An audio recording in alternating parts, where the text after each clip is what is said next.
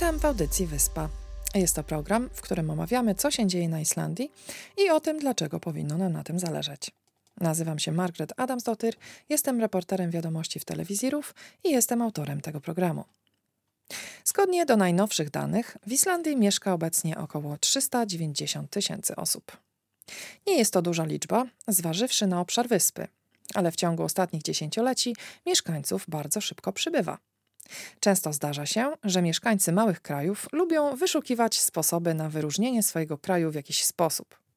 Dlatego, gdy islandzka restauracja Moss w Blue Lagoon otrzymała gwiazdkę Michelin, niektórzy redaktorzy z naszej rozgłośni RUF zaczęli się zastanawiać nad możliwością, że teraz Islandia może znajdzie się w czołówce krajów, które mają najwięcej gwiazdek Michelin na mieszkańca. Zaangażowali się więc w najróżniejsze wyliczenia i wyszło im, że w chwili obecnej na każdego mieszkańca Islandii przypada 0,77 gwiazdki Michelin. Co taka liczba oznacza? Czy plasuje ona Islandię wysoko w porównaniu do innych krajów? Niestety nie. Okazuje się, że Luksemburg jest krajem, gdzie na mieszkańca przypada najwięcej gwiazdek. Francja jest natomiast krajem, który posiada najwięcej restauracji wyróżnionych gwiazdkami. Na pewno nie należy się temu dziwić, gdyż właśnie stamtąd wywodzi się firma Michelin, jej słynny przewodnik i co za tym idzie system przyznawania gwiazdek. W dzisiejszym odcinku dowiemy się więcej o tym, w jaki sposób przyznawane są słynne gwiazdki, jak powstała ta tradycja i o islandzkich, już teraz trzech restauracjach, które takie gwiazdki posiadają. Gościem dzisiejszego odcinka jest fizjoterapeutka Anna Urban.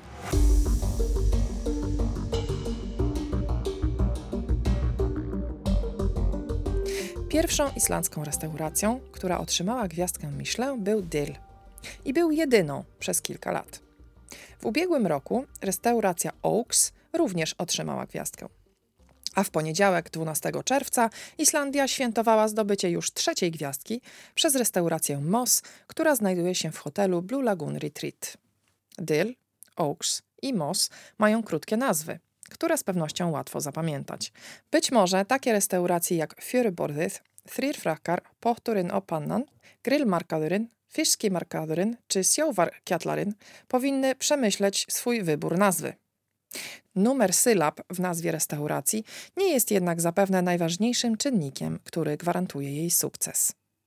Tegoroczna ceremonia przyznawania gwiazdek w krajach nordyckich odbyła się w finlandzkim mieście Turku wieczorem 12 czerwca. Finland, yes! Mos Agnar Sverrisson! Agnar, would you want to say something?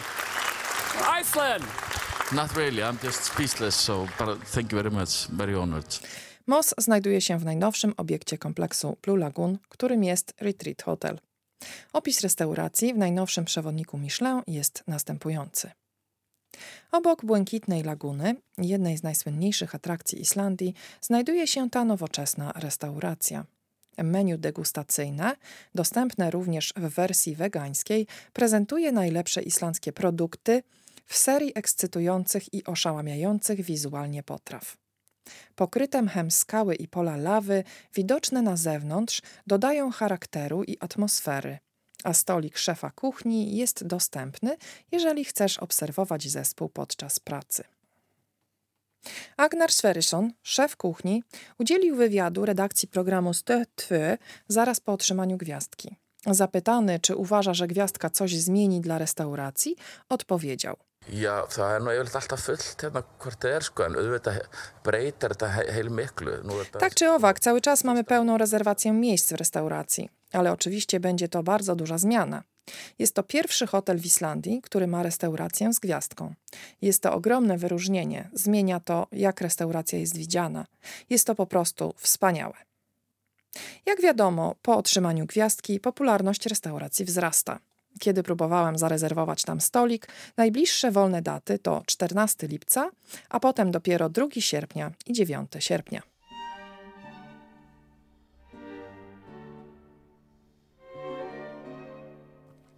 Jedzenie w takich restauracjach kosztuje i to nie mało. Nie wszystkie są strasznie drogie. Ceny kolacji tu w Islandii zaczynają się od 35 tysięcy czy 40 tysięcy koron i mogą zakończyć się na 150 lub 200 tysiącach, jeżeli do menu degustacyjnego zażyczymy sobie dobrane przez sommeliera wina. Co do tegorocznego przewodnika, znalazły się w nim jeszcze inne restauracje. Nie otrzymały one gwiazdki, ale otrzymały status Recommended by Michelin, czyli polecanych przez przewodnik. Są to restauracje Brut, Tides, Sumak, a także Matyr Och Drychkur. Takie wyróżnienie również dużo daje, bo przewodnik Michelin jest bardzo popularny i wiele osób korzysta z niego podróżując po danym kraju. Na całym świecie jest 2800 restauracji wyróżnionych jedną, dwiema lub trzema gwiazdkami. Krajem, w którym jest najwięcej gwiazdek, jest nie bez kozery Francja, kolebka świata kulinariów. Znajduje się tam aż 630 restauracji z gwiazdkami Michelin. W ciągu ostatniej dekady w krajach nordyckich przybywa jednak coraz więcej gwiazdek. Restauracje nordyckie są pionierami w zrównoważonym rozwoju gastronomii i dlatego Michelin wydaje teraz specjalny przewodnik na same kraje nordyckie o nazwie Nordic Guide. Wróćmy jednak do genezy samych gwiazdek, których historia zbiega się niejako z historią motoryzacji.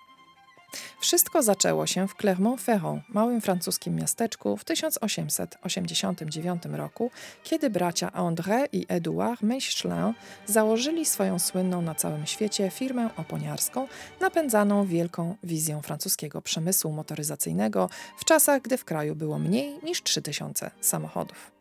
Aby pomóc kierowcom w ich podróżach, a tym samym zwiększając sprzedaż samochodów i opon, Bracia Michelin stworzyli mały czerwony przewodnik wypełniony przydatnymi informacjami dla podróżnych, takimi jak mapy, informacje o tym, jak zmienić oponę, gdzie zatankować paliwo, gdzie się zatrzymać i gdzie zjeść. Na początku przewodnik był darmowy i utrzymywał się z publikowanych w nim reklam. Publikację przewodnika wstrzymano przez okres wojny w latach 1914-1918. W latach dwudziestych XX wieku przewodnik ukazał się ponownie, ale nie był już darmowy. Był ładniej wydany i staranniej napisany. Nie zawierał już reklam i trzeba było go sobie kupić. Wtedy również po raz pierwszy zawierał on listę hoteli w Paryżu i listę restauracji według określonych kategorii.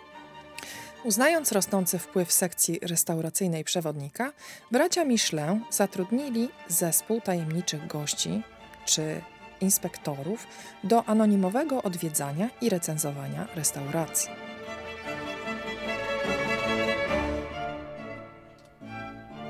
W 1926 roku przewodnik zaczął przyznawać gwiazdki lokalom gastronomicznym, początkowo oznaczając je tylko jedną gwiazdką. Miejsca zaczynano wtedy nazywać fine dining restaurants, czyli restauracje, gdzie można zjeść wykwintnie. Pięć lat później wprowadzono hierarchię zera, jednej, dwóch i trzech gwiazdek, a w 1936 roku opublikowano kryteria rankingu gwiazdkowego. Przez resztę XX wieku przewodniki Michelin stały się bestsellerami. Obecnie przewodnik zajmuje się tylko i wyłącznie oceną lokali gastronomicznych i nie ma w nim ani słowa o oponach. W ostatnich latach Michelin zaczął również przyznawać zielone gwiazdki. Są one przyznawane lokalom, które gotują zgodnie do trendu zrównoważonego rozwoju gastronomii. Wracając jednak do czerwonych, oryginalnych gwiazdek, co one oznaczają? Jedna gwiazdka oznacza miejsce godne uwagi. Dwie gwiazdki to warto odwiedzić, a trzy gwiazdki zobacz koniecznie. Brzmi prosto? Sam proces nie jest jednak prosty dla restauracji. Aby otrzymać gwiazdkę, muszą one spełniać wiele kryteriów. Potem jeszcze muszą ją utrzymać rok po roku. Dlatego wszystko w takiej restauracji musi być bliskie perfekcji i to przez cały czas. Proces przyznawania gwiazdki zaczyna się od tego, że ów tajemniczy gość, nieubrany w żaden zdradzający go sposób, który jest krytykiem kulinarnym Michelin, przychodzi na kolację i niekoniecznie tylko jeden raz. Potem sporządza szczegółowy raport o tym, jaki zapach wita go w szatni, jaka jest obsługa, zastawa stołowa, czystość i jakie oczywiście jest jedzenie. Krytyk koncentruje się na pięciu aspektach każdej restauracji. Są to jakość składników użytych w potrawach i samych potraw, walory smakowe i techniki użyte przy przyrządzaniu potraw, osobowość szefa kuchni i w jaki sposób objawia się ona w serwowanych potrawach, stosunek ceny do jakości i wreszcie, czy krytyk jest tak samo traktowany jak każdy inny gość. Ocena inspektora trafia potem przed komisję Michelin, która przyznaje restauracji jedną, dwie lub trzy gwiazdki. A potem są one ogłaszane raz do roku podczas specjalnej ceremonii. Zgodnie do danych z roku poprzedniego, bo nie znalazłam jeszcze najnowszych, na całym świecie w 2022 roku były 142 restauracje, które posiadają trzy gwiazdki. Dla większości szefów kuchni posiadanie choć jednej gwiazdki jest niezwykłym zaszczytem i wyróżnieniem. Gwiazdka przynosi restauracjom i szefom kuchni prestiż i sławę i sprawia, że napływają do niej goście z całego świata i interesują się nią media. Pojawił się jednak również ruch przeciwny systemowi przyznawania gwiazdek Michelin. Niektórzy z kucharzy twierdzą, że system jest przestarzały i wnosi do ich pracy niepotrzebny stres, gdyż utrzymanie gwiazdki przez wiele lat jest bardzo trudne, a jej strata może być nawet szokiem dla pracowników restauracji, którzy odczuwają poczucie klęski zawodowej. Islandia przez wiele lat musiała zadowolić się restauracjami bez żadnych gwiazdek, aż do 2017 roku, kiedy pierwszą z nich w kraju otrzymała restauracja Dyl.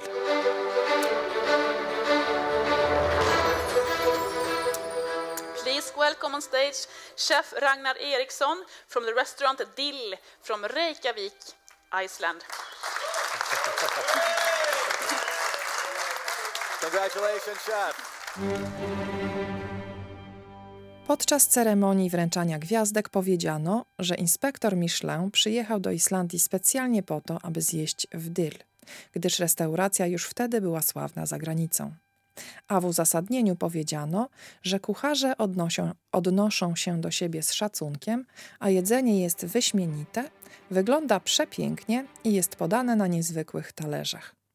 Szef Ragnar Eriksson powiedział wtedy, że jest to wielki krok dla islandzkiej gastronomii i że Islandia wreszcie zaistniała na gastronomicznym radarze Europy i świata. Rok później, w 2018 roku, mini restauracja Skaur w foodkorcie Hlemur Mathöll otrzymała wyróżnienie Bib Gourmand, które jest przyznawane lokalom, które oferują potrawy wysokiej jakości za przystępną cenę. Restauracja Matyr Odrychkur, która oferuje potrawy inspirowane tradycyjnymi islandzkimi potrawami, również otrzymała to wyróżnienie. Restauracja Dyl niestety straciła swoją gwiazdkę w 2019 roku i zamknęła swój lokal na rogu Kwerwisgaty i Ingolstreity. A rok później otworzyła się ponownie przy ulicy Lojgavegur. Restaurację przejął nowy szef Gunnar Karl Gislason i odzyskała ona gwiazdkę w 2020 roku i od tamtej pory dzielnie ją utrzymuje. A rok temu uzyskała również zieloną gwiazdkę za prowadzenie kuchni w zrównoważony sposób. Restauracja Oaks również znajduje się przy Lojgawegur i otrzymała gwiazdkę rok temu. W przewodniku Michelin czytamy – Kameralna i tętniąca życiem, mała restauracja dla 16 osób z ladą oferuje niezapomniane doznania kulinarne, wspomagane przez najlepsze islandzkie produkty. Wieczór rozpoczyna się od drinka w przytulnym saloniku, gdzie goście zachęcani są do zapoznania się z innymi gośćmi przed zajęciem miejsc przy ladzie. Dania są doskonałym połączeniem tradycji i nowoczesności, a sztuczki kulinarne zostały odrzucone na rzecz prawdziwej intensywności smaku. Jeżeli więc słuchacze postanowią przeżyć niezapomniane wrażenia z dziedziny kulinariów, mamy teraz w Islandii wybór aż trzech restauracji na światowym poziomie. Na pewno zajrzenie do przewodnika Michelin podczas naszych podróży nie jest złym pomysłem. Bo po stu latach tradycji oceniania miejsc, i to nie tylko tych bardzo drogich, możemy przewodnikowi zaufać, że uda nam się tam znaleźć jakieś miejsce, gdzie zapewne można sobie dobrze zjeść.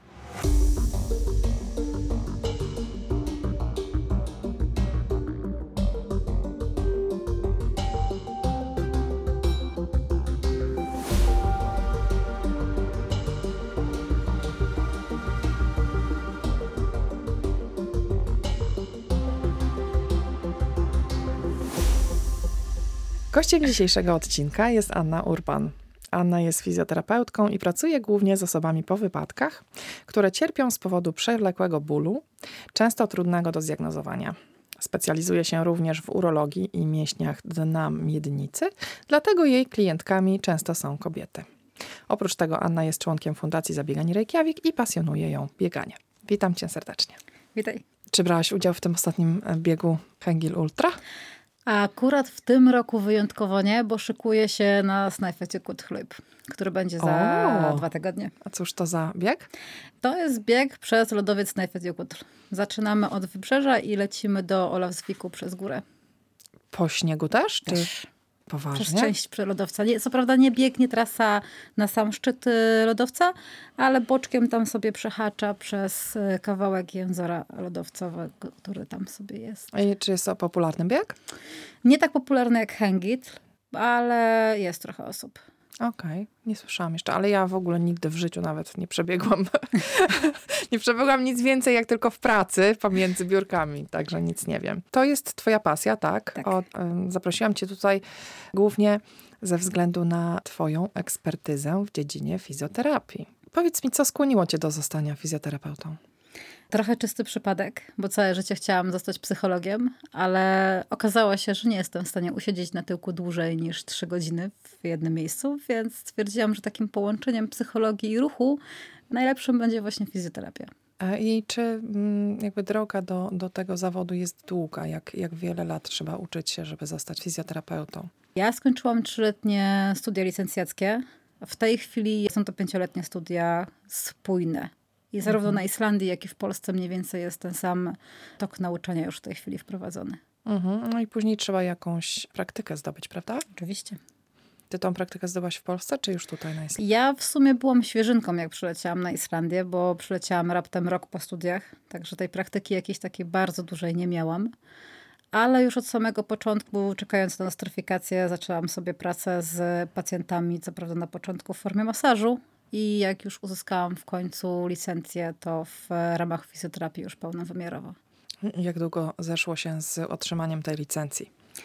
To akurat jest droga przez mękę. tak słyszałam, tak słyszałam. E, Cztery lata bojów i ciąg- cztery lata? Tak. Cztery lata. Z tego względu, że co chwilę zmieniano przepisy. Trafiłam akurat w taki wir przepisowy, gdzie co chwila Okej. z, zmieniali jakby sposób akredytacji, wprowadzali nowe elementy, wymagali innych dokumentów. E, No to też się spięło to, że nie było regulacji prawa fizjoterapeuty w Polsce przez e, długi, długi czas. Więc też było mi ciężko uzyskać pewne dokumenty, które wymagane były na Islandii. I Islandia nie potrafiła zrozumieć, że po prostu pewnych dokumentów stricte takich, jakich oczekują, nie da się uzyskać w Polsce. No i to też postroiło pewnego rodzaju problemy. Ale ja jestem zdania, że jak jej drzwiami, to oknem i byłam bardzo uparta i ostatecznie udało się tą licencję dostać. Popieram. Jak pracuje ci się tutaj? Cudownie. To nie jest twoje pierwsze miejsce pracy, prawda? Ja zaczynałam jako fizjoterapeutka już stricte w szpitalu dla osób starszych na Landakot, ale cykl pracy był trochę zbyt spokojny jak na mój temperament, więc e, gdy tylko nadarzyła się okazja, przeszłam do sektora prywatnego. Zaczynałam w Sjokrafjälvun Reykjavíkur na Grandi, Mhm. a z, troszkę z pasji, trochę z przypadku przeniosłam się na Hovde w 2020. W takiej pracy fizjoterapeuty obierasz sobie jakąś specjalizację, czy po prostu przyjmujesz wszystkich e, w zależności od tego, jak, e, no, jakim się wiedzie?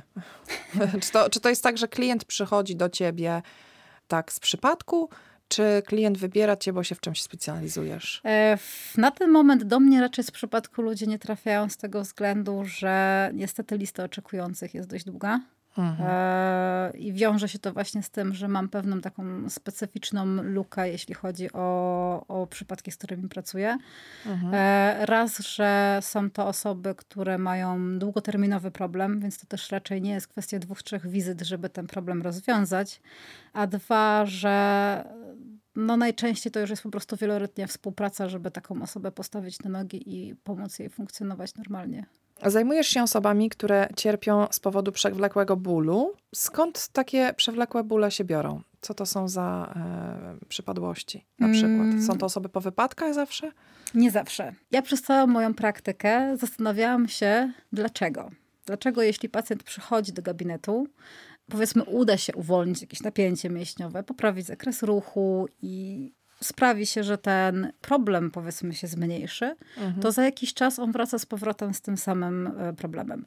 I drążąc temat, szukając odpowiedzi, doszłam do układu nerwowego, z którym uwielbiam pracować, tak samo jak z tkankami miękkimi, i do funkcji jako takiej. I okazuje się, że najnowsze badania pokazują jasno, że tak de facto struktura jako taka, czyli te wszystkie dyskopatie, zmiany zwyrodnieniowe i inne strasznie brzmiące rzeczy, są jak zmarszczki na naszym ciele. One są. Ale w raptem może w 5 do 15% przypadków generują ból sam w sobie. Bo ból jest trochę bardziej skomplikowaną rzeczą niż nam się wydaje. I w tej chwili takim modelem bardziej funkcjonującym, zwłaszcza w fizjoterapii, jest model biopsychospołeczny, który zakłada, że ta część biologiczna, mechaniczna jest tylko jakby jednym ramieniem możliwym y, z źródła bólu, ale poza tym jeszcze jest kwestia tego, jak reaguje nasz układ nerwowy. Możesz to sobie wyobrazić troszeczkę w ten sposób, jakbyś miała gitarę elektryczną Okej. i coś może być nie tak z samą gitarą, ale dużo częściej problem jest albo na kablu, który łączy gitarę ze wzmacniaczem, albo wzmacniacz nie jest ustawiony i wyregulowany tak, jak być powinien, przez co ten dźwięk brzmi po prostu źle na przykład. Nie? Czyli gitara się nadaje, Tak. ale Ale trzeba ją ustawić. rozumiem, rozumiem. Dokładnie. Okej, czyli praca z takim pacjentem. Ile czasu to zajmuje? Czego się można spodziewać? Ja na pierwszych trzech wizytach zawsze ustalam w miarę e, możliwości taką linię działania i sprawdzamy sobie razem z pacjentem, które elementy są tak naprawdę najważniejsze na początku do zaopiekowania. Bo czasem jest to faktycznie kwestia biomechaniczna, zwłaszcza gdy na przykład w wyniku wypadku doszło do jakiegoś Albo po operacji. albo po operacji doszło do jakiegoś uszkodzenia struktury samej w sobie. Ale bardzo często jest tak, że nasze ciało już się wyleczyło, tam tego problemu tak naprawdę fizycznie już nie ma, ale receptory i informacja, która dociera do naszego mózgu, w dalszym ciągu ostrzega, przez co nasza głowa troszeczkę chcąc chronić nas, wyhamowuje i wyłącza te obszary. Co potem czasem powoduje przeciążenia w innych miejscach. Czasem to jest kwestia po prostu przeciążenia, czyli zbyt dużego ilości stresu wszelakiego rodzaju. Bo tutaj też trzeba pamiętać, że stres nie tylko obejmuje nasz stres psychiczny, którym, o którym wszyscy mówią codziennie, ale to też jest e, po 12-14 godzin pracy bez urlopu, różnego rodzaju czynniki chemiczne, czy jedzenie w pośpiechu, byle jakiej formy. To wszystko tak naprawdę są elementy, które nie są obojętne dla naszego organizmu. Bardzo się cieszę, że to powiedziałaś, bo sama to odkryłam. Ale nie, ale, ale wiem, ale wiem, zauważa się to, że ludzie czasami mówią, a pójdę do fizjoterapeuty czy tam rehabilitanta i się wszystko naprawi. Także to nie jest wystarczające, że pójdzie się do tego rehabilitanta, prawda? Nie, niestety. Ale Ja- to jakby to już nie jest twoja rola, żeby tych ludzi uczyć jak żyć, prawda? Nie jest moją rolą uczyć, jak żyć, ale ja zawsze mówię tak, że fizjoterapeuta e, próbuje troszeczkę zmienić obraz fizjoterapeuty w oczach ludzi. Bo e, ludzie, zwłaszcza z Polski, bo my mamy taką, takie przeświadczenie medykalizacji bardzo mocne, że przyjdziemy do pana specjalisty, on nam powie, co jest nie tak i on nas naprawi. No właśnie, o tym mówię. Tak. Naprawić może jedynie chirurg. W momencie, gdy jest coś do wycięcia, do zszycia albo coś tam trzeba zrobić tak manualnie, to wtedy jesteśmy w stanie fizycznie wpłynąć na pacjenta. Mhm. Taka osoba faktycznie fizycznie leczy. Ale jeśli chodzi o fizjoterapię, to tak naprawdę my tylko jesteśmy przewodnikami. My pokazujemy pacjentowi drogę, którą może obrać, żeby uruchomić te procesy regeneracyjne, które każdy z nas ma w sobie. I takim kluczowym elementem, którego ja staram się nauczyć każdego mojego pacjenta, jest to, że jeśli zaczniemy słuchać swojego organizmu, a nie tylko siedzieć w naszej głowie z, z takimi różnego rodzaju myślami i przeświadczeniami, tylko wczujemy się, co nam podpowiada nasze ciało fizycznie, Mhm. e, to sami znajdziemy najlepszą drogę dla nas, żeby znaleźć tą naszą równowagę i dobrostan. Słuchaj, a jeżeli chodzi o czas, czy, czy są ograniczenia dla pacjenta? Bo jak oceniasz, czy ten człowiek e, już nie potrzebuje Twoich usług? To zależy. Jak wszystko w fizjoterapii tak naprawdę. No Jeśli- bo, to, no bo zawsze, zawsze mnie to zastanawia. Sama też korzystałam. Mm, Sama nie wiedziałam, kiedy mam przestać, czy mam dalej chodzić, czy mam nie chodzić. A nie wiedziałam, czy to jest wystarczająco dobre. Czy ja się nie narzucam, czy ja nie... Rozumiesz, o co chodzi? Mhm, rozumiem doskonale, A- bo fizjoterapeuci mają dokładnie ten sam problem. Kiedy powiedzieć pacjentowi, że to już powinien być koniec? Mhm. I, I to też jest taki trochę kij w mrowisko tak naprawdę, bo to są tematy, nad którymi sami fizjoterapeuci też dyskutują. Akurat wczoraj na spotkaniu grupowym z przecudowną e, kobietą, która pracuje z bólem przewlekłym i o której szkolenie niedawno kończyłam, właśnie wspomniała o tym, że to jest temat bardzo trudny też dla nas jako specjalistów, gdzie wyznaczać te czasy Te granice, nie? procesu i granice. Ogólnie mówi się o tym, że jeśli pacjent e, jest z poziomu biologiczno-mechanicznego odzyskuje ten poziom dobrostan, który jest dla niego zadowalający, to technicznie rzecz biorąc to jest ten moment, w którym możemy już spokojnie zakończyć współpracę. Mhm. Czasem jest to wyznacznik e, służby zdrowia, która sama z siebie po prostu generuje, nie wiem, tam załóżmy skierowanie na leczenie albo ilość wizyt, Gdzie jest tam masz. 100 godzin i po wy... E, na szczęście Islandia nie jest taka skrupulatna i ograniczona jak Polska pod tym względem. No bo w Czyli nie Polsce odliczają ci tych godzin po jednej. odliczają, ale w dość przyzwoity sposób. Okej. Bo w Polsce jest tak, że masz 10 wizyt, które musisz ciągiem przyjąć dwa razy do roku maksymalnie. A tutaj jest 45 wizyt na rok, które możesz wybierać w miarę potrzeby, po prostu tak jak mniej więcej cykl terapii postępuje. Mhm. Technicznie na jedno skierowanie dostajesz 15 wizyt na dzień dobry, ale fizjoterapeuta, jeśli jest taka konieczność, może wystąpić do SI o przedłużenie wizyt. I zwykle nie robią z tego powodu problemu, jeśli jest odpowiednie uzasadnienie przypadku. Kolejne pytanie, które mam dla ciebie, to jeżeli chodzi o rehabilitację kobiet. Moja ścieżka do uroginekologii jest dość ciekawa, bo wychodzi z neurologii. Mhm. Okazuje się, że autonomiczny układ nerwowy, e, czyli taki element naszego układu nerwowego, który reguluje pewne reakcje, albo nas pobudza, albo nas wycisza, Mhm. jest niesamowicie silnie związany właśnie z dnem miednicy. I ze względu trochę na własne zaburzenia, z powodu posttraumatycznego uszkodzenia mózgu i ADHD, miałam bardzo, bardzo duże problemy z mięśniami na miednicy, które było mi bardzo ciężko też wyregulować. Bardzo często kobiety męczą się z wysiłkowym nietrzymaniem moczu albo z bólem podczas stosunku, z różnego rodzaju problemami natury właśnie intymnej i myślą, że tak ma być. Aha, czyli myślą, że nie ma rady na to. Tak. Okej. No niestety. Ja bardzo często spotykam się z taką opinią, że na przykład przy, w czasie ciąży to, że posikuje, to jest normalne. I to nie jest normalne, absolutnie. E, Są nawet takie żarty, nie? Że po, po trzech dzieciach to już nie masz pęcherza. E, tak. to, że on jest trochę skopany przez Bobasa, to jest jedno. No właśnie. Ale technicznie rzecz biorąc, on powinien w dalszym ciągu działać. Okej. I to nie jest tak, że to jest w porządku, że gdzieś tam posikujemy. I Mhm. ja naprawdę bardzo chciałabym uświadamiać kobiety z tym, że nasza seksualność i nasze poczucie komfortu też przede wszystkim, Mhm. bo to nie jest przyjemne, kiedy wychodzisz na przykład z znajomymi gdzieś na miasto No i musisz, masz z tyłu głowy, że nie możesz kichnąć albo kaszlnąć, Albo bo za będzie plama. Albo ma podskoczyć, tak? Mhm. Czy nie możesz pójść z dzieckiem, pobawić się właśnie na placu zabaw i poskakać parę chwil na trampolinie, bo wiesz, że za chwilę będzie plama. Świadomość jest mega istotna tego, zwłaszcza tych pierwszych faz w trakcie ciąży i po porodzie, żeby prowadzić taką profilaktyczną konsultację i sprawdzać sobie, czy nasza dynamica działa prawidłowo, czy wszystko jest ok po ciąży, czy konsultować, jeśli tylko widzimy jakiekolwiek nieprzyjemności. Trochę walczymy tu na tej na Islandii, żeby w końcu wprowadzić taką możliwość badania, tak jak się bada małe dziecko, prawda? Bo w, to jest tak, że na Islandii do, przez okres ciąży kobieta jest zaopiekowana bardzo dobrze najczęściej, ale w momencie, gdy się dziecko rodzi, to tak jakby ta ciąża i ten temat znika. Koniec. Jest koniec, tak. Mhm. Jest po prostu koniec, masz dziecko, więc teraz dziecko jest tym punktem zaczepienia, że to ono ma te badania co, co przesiewowe co chwilę. I, A matka nic. A matka nic. Nawet nie ma badania ginekologicznego, co w Polsce jest standardem po sześciu tygodniach.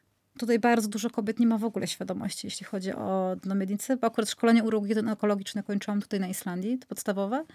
I ja byłam zszokowana tym, jak na niskim poziomie jest świadomość Islandek jako takich, jeśli chodzi właśnie o tego typu problemy. No wiesz, może to wynikać też z tego, że kobieta ma być silna, zajmować się wszystkim i nie narzekać, nie? Trochę tak, zwłaszcza na Islandii, gdzie No, jest taki dokładnie. archetyp wikinga koma, nie? Tak, tak. Kobiety silnej i takiej, która sobie poradzi ze wszystkim. Dokładnie. Ogarnie dom, dzieci jeszcze do pracy pójdzie, nie? No taka nasza matka Polka. Tak, dokładnie. Dużo nie różnimy się. Nie, nie, nie różnimy się. Tak obserwuję nas, nie dość, że z poziomu anatomiczno-morfologicznych jesteśmy mega bardzo spokrewnieni ze Skandynawią, to jeszcze też myślę, że z charakterów też mamy jednak No mamy, wspólnego. mamy, mamy coś takiego.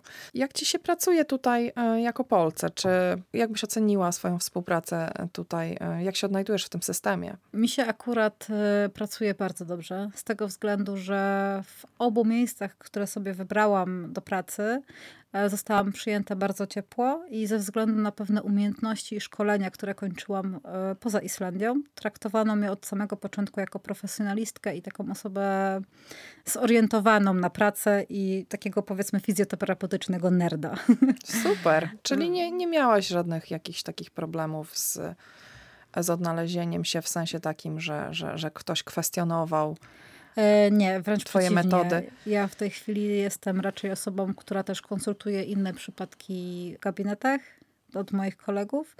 I w tym miejscu, w którym jesteśmy, akurat jest na, między nami jest bardzo dobra współpraca, bo my się wymieniamy bardzo często. Jeśli widzimy, że jakiś pacjent po prostu w cudzysłowie nie idzie, na przykład trzeba by było coś tam jeszcze do, do sprawdzać, no to każdy z nas ma jakieś tam swoje umiejętności i, i wiedzę w danym zakresie, dzięki czemu wiemy do kogo iść często wspólnie, żeby zrobić taką burzę mózgów e, danego przypadku i obrać jak najlepszą drogę leczenia dla takiej osoby.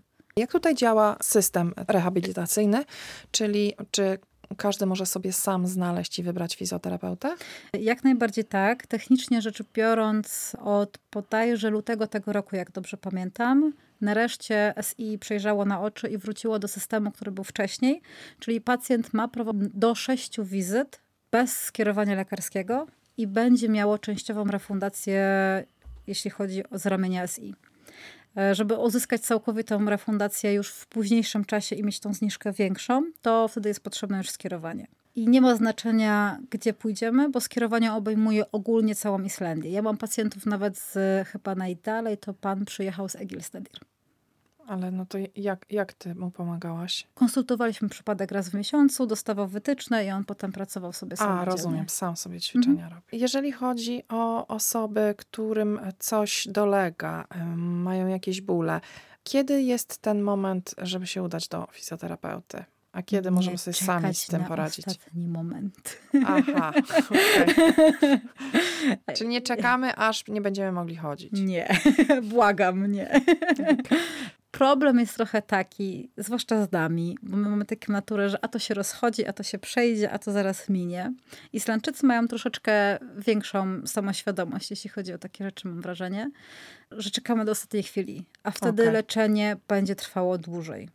Umówmy się, że jeśli czujemy już duże napięcie w plecach, które z miesiąca na miesiąc narasta, to lepiej jest już iść i skonsultować się, sprawdzić, co można ewentualnie poprawić, z czego to może wynika, bo wtedy to jest kwestia dwóch, trzech wizyt czasami, żeby ustalić jakąś linię działania i możliwą przyczynę ewentualnie takiego problemu, aniżeli w momencie, kiedy już dochodzi do jakiegoś strukturalnego przeciążenia i ucisku na nerw, czy stanu zapalnego, który w jakiś sposób zakłóca pracę tego nerwu e, i nie jesteśmy w stanie się podnieść z łóżka.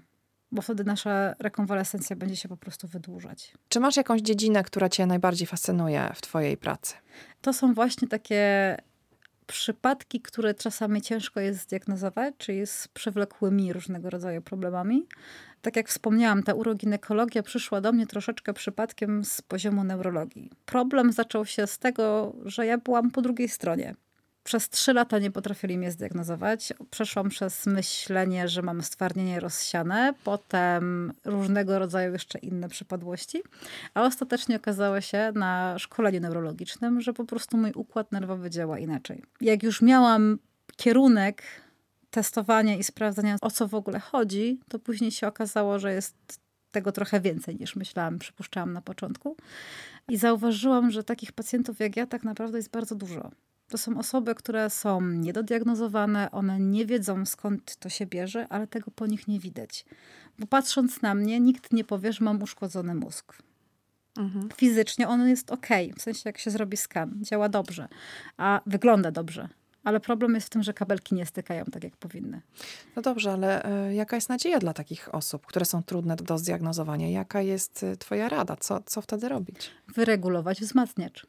Co po to prostu. jest wzmacniacz? No właśnie tak jak po początku A, wspomniałam. Pamiętasz o, gitary wracamy, tak, okej. Okay. I to się wszystko odbija od gitary, nie? Czyli y, idziemy do fizjoterapeuty czy do lekarza i, i drążymy dalej? Tak. Ja jestem przekonana, że Owszem, czasem, jeśli naprawdę jest bardzo ciężko, nie zawsze się uda wyleczyć problem w 100%, ale zawsze na każdego jest jakieś rozwiązanie, które sprawi, że komfort jego życia będzie znacznie lepszy. I najważniejsze to jest znaleźć tą drogę, jego drogę, bo u każdej osoby to będzie indywidualna rzecz. To niekoniecznie muszą być moje techniki i metody pracy. To może być chiropraktor, to może być osteopata, to może być jakikolwiek inny fizjoterapeuta, czy nawet trener personalny, a czasem dietetyk. Bo mam jednego pana, u którego bóle pleców przechodzą jak ręką oddział, jak tylko wejdzie na keto dietę na przykład. Mhm. Bo na w niej najlepiej funkcjonuje, jego organizm e, wycisza wtedy procesy zapalne i naprawdę bardzo dobrze się czuje. Więc tutaj każdy gdzieś ma jakąś drogę, która może dać mu ten komfort i sprawić, że będzie dobrze funkcjonował, tylko no, czasami jest trudno te kropki połączyć. A ja akurat z pasji mam mózg analityczny i uwielbiam rozwiązywać i układać puzzle, więc po prostu lubię te kropki łączyć. Wspaniale. Dziękuję Ci bardzo za rozmowę i za wszystkie cenne i bardzo ciekawe rady, które usłyszeliśmy. Dziękuję. W środę 21 czerwca słońce świeciło przez 22 godziny podczas najdłuższego dnia roku. Na Islandii trwa długo wyczekiwane lato. I choć nie zachwyca ono mieszkańców wszystkich części kraju słoneczną pogodą, jest ono wyczekiwane również z innych powodów. Są nimi doroczne wydarzenia, z których jednym jest Thjóðhátíð, czyli kilkudniowe święto na wyspach Westmannaeyjar, na które zjeżdżają się tysiące ludzi z całego kraju, aby uczestniczyć w koncertach w Dolinie Herjolfsdalur. Co roku z okazji tego święta wychodzi specjalna piosenka, która jest potem śpiewana przez publiczność przy zapalonych ogniskach. W tym roku autorem piosenki na to wydarzenie jest raper MC Goity. Na koniec posłuchamy jego utworu Thusund Hjörty, czyli Tysiąc Serc. Wiadomości z Islandii po polsku można znaleźć na stronie www.ruf.is ukośnik polski. Bardzo dziękuję za wysłuchanie odcinka i zapraszam za tydzień.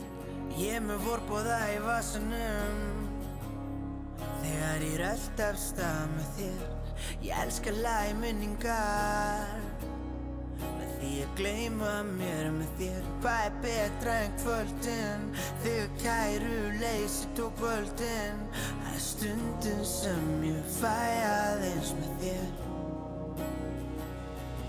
Þegar þú sem kjörtu slag í takt. Að þú sétt hjá mér, það er allt. Þó að nóttin mæti verður aftur bjart. Þegar þú sem tjörtu slá í takt. Ég finn orkunum magnast, markfaldast Á hveður sólinn sest. Þúsund andlit allt í kringum mig En þitt brós gerir mest. Hvað er betra en